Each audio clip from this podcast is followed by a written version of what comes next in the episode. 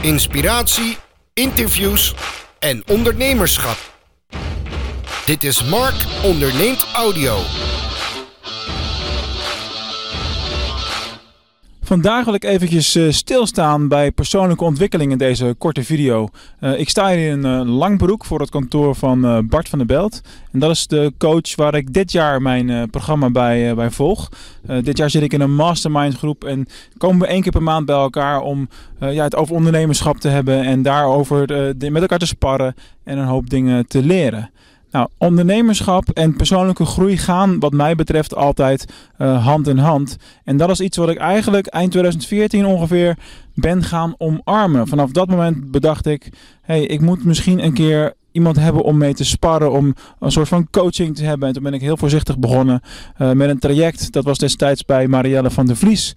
En dat heeft mij toen heel veel gebracht. Heeft me ook nieuwe mensen leren laten kennen. Heeft me heel veel uh, opgeleverd.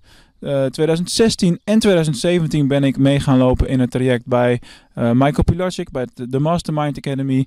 Uh, in de business editie waarbij we ook een aantal live meetings met elkaar hebben gehad. en één op één coaching van Michael hebben gekregen. Daar ging het heel veel over de volgende stappen zetten in ondernemerschap. de mindset die je daarvoor moet hebben. En gewoon hele concrete dingen waarmee je elkaar kan helpen.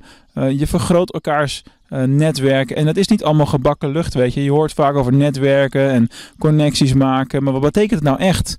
Nou, wat het echt betekent is dat je mensen met passie tegenkomt. Die ook volgaan voor dat waar ze in geloven en waar ze blij van worden. En elke dag doen wat ze leuk vinden. Want dat is ook ondernemerschap.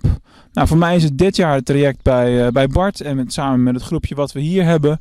En volgend jaar zal dat weer een ander traject zijn. En in 2017 heb ik ook nog een, een ander on, persoonlijk ontwikkelingstraject gedaan. Dat was bij uh, de Praktijkvader. Dat is uh, de merknaam daar, zeg maar.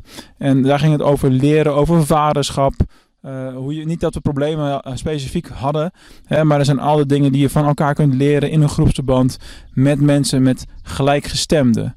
Dus als je als ondernemer actief bent, vergeet niet om ook altijd te blijven werken aan persoonlijke groei.